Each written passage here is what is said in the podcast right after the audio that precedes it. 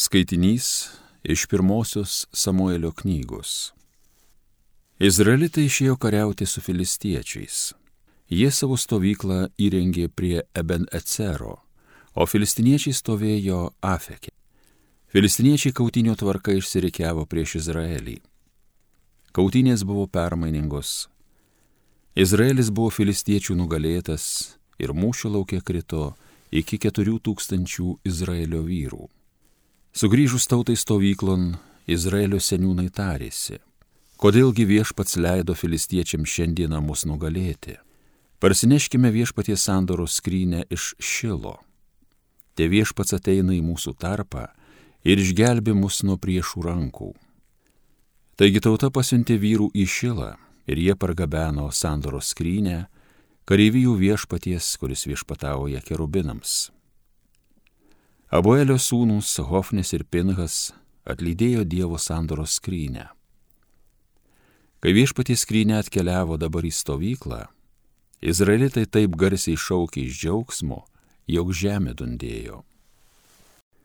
Filistiečiai išgirdę didelį riksmą kalbėjo, kas ten per triukšmas Hebrajų stovykloje. Kada filistiečiai patyrė, jog viešpaties skrynė atkeliavo stovyklon, Jūs apėmė baimė.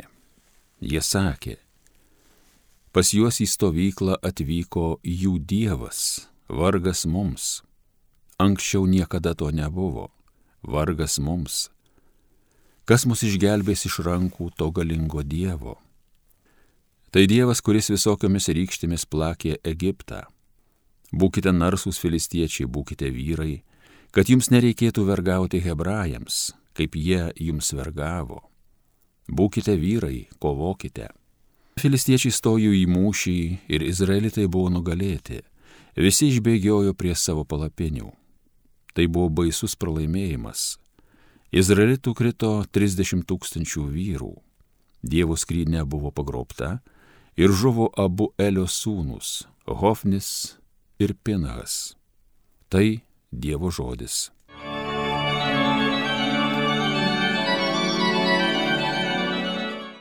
Atpirk mus viešpatie dėl savo gerumo. Betgi dabar mūsų atstumiai, pažeminti leidai, su mūsų kariuomenė Dieve nebežygiuoji. Štai mes priversti bėgam nuo priešų ir grobė engėjai mūsų turtą. Atpirk mus viešpatie dėl savo gerumo.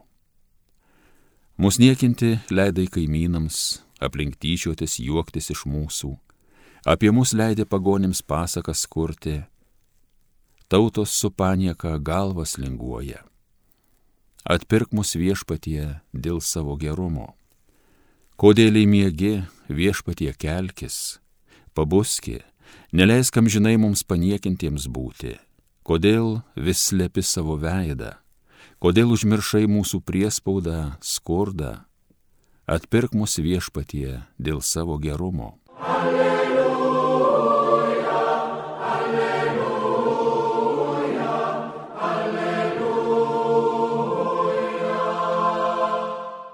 Jėzus kelbė karalystės evangeliją ir gydė žmonėse visokias ligas. Alleluja, alleluja, alleluja. Pasiklausykime Šventojios Evangelijos pagal Morkų. Pas Jėzų atėjo raupsuotasis ir atsiklaupęs maldavo jei panorėsi, gali mane padaryti švarų. Jėzus, pasigailėjęs jo, ištiesi ranką, palėtė jį ir tarė, noriu būk švarus. To jau patraupsai pranyko ir jis tapo švarus. Jėzus liepė jam tuo jau pasišalinti ir smarkiai prigrasino. Žiūrėk, niekam nieko nepasakok. Eik pasirodyk kunigui ir už pagėjimą paukok Mozės įsakytą atnašą jiems paliūdyti. O šis bekeliaudamas pradėjo taip plačiai skelbti ir skleisti įvykį, kad Jėzus nebegalėjo viešai pasirodyti mieste. Jis laikėsi už miesto, negyvenamose vietose, bet žmonės iš visur rinkosi pas jį. Tai viešpatie žodis.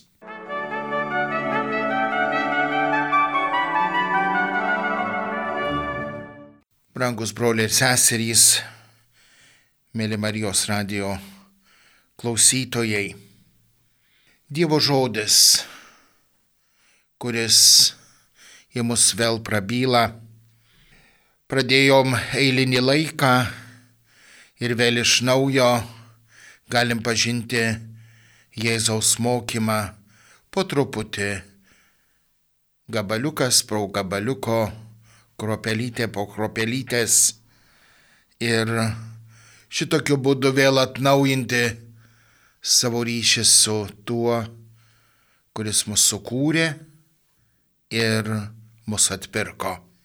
Šiandien dienos palyginimas, kurį girdėjom tik ką pasakojime užrašytame Morkaus, yra gana įprastas vaizdas senojoje Palestinoje. Miestelis, miestas, kaimas. Deja, beveik nei vienas neapsėjo be baisios, žudančios, naikinančios, pūdančios lygos raupsų. Ir todėl hygienos sveikatos vedami, įdėdami į tai ir tam tikrą sociologinę, ekonominę, o net ir religinę prasme, žmonės raupsuotosius atskyrė nuo bendruomenės, kuri gyveno tame mieste ar kaimelyje kažkur už miesto, už kaimo, ten, kur nieko nėra.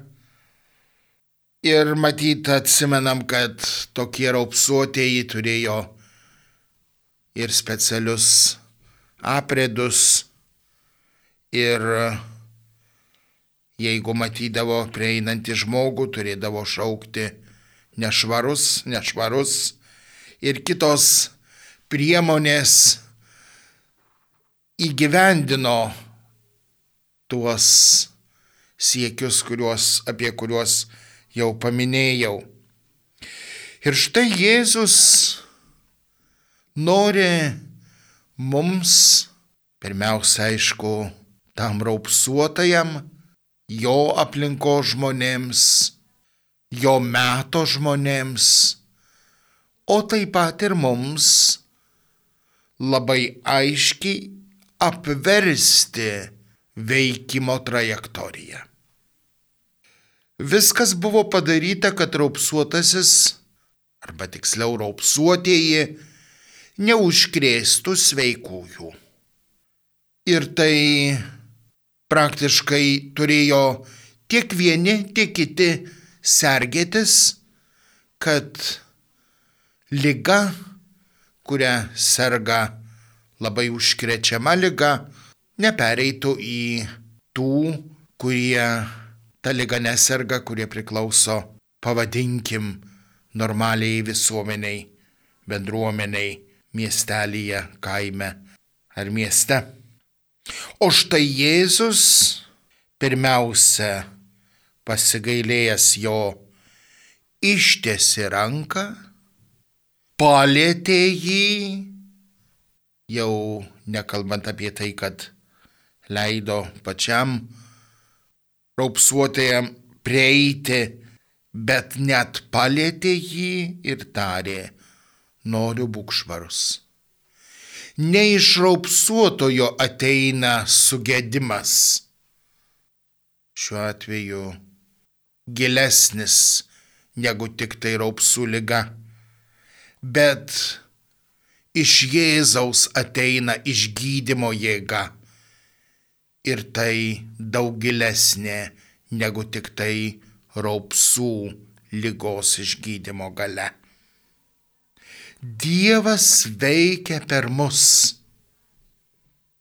Ir todėl neturim bijoti prisiliesti prie to, kas mums kartais nemiela, nesmagu, negera.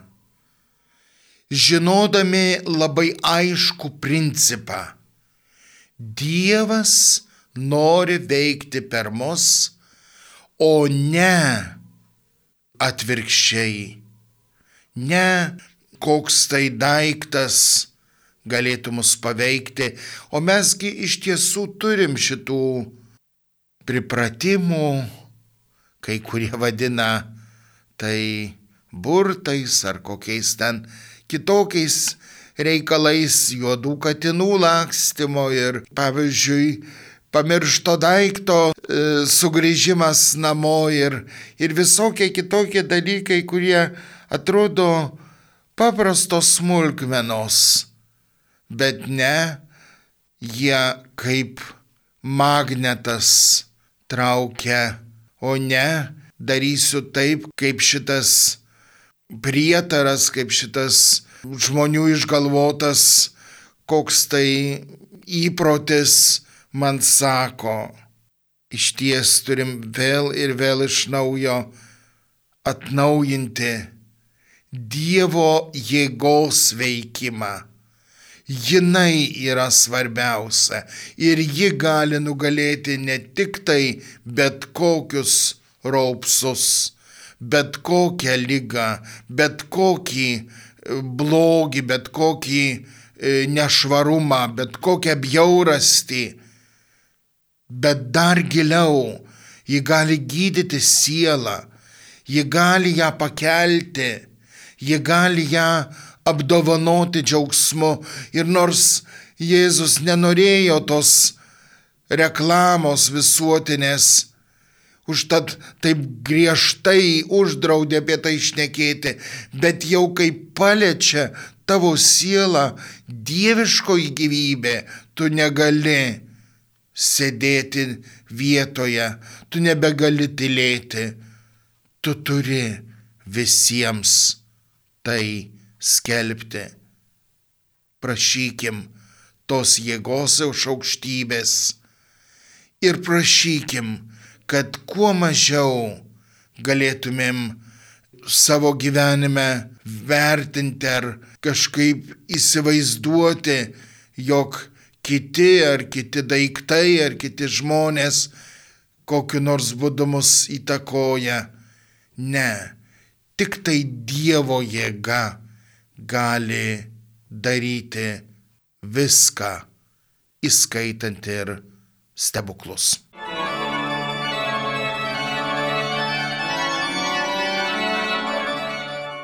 Homilija sakė kunigas Arūnas Kesilis.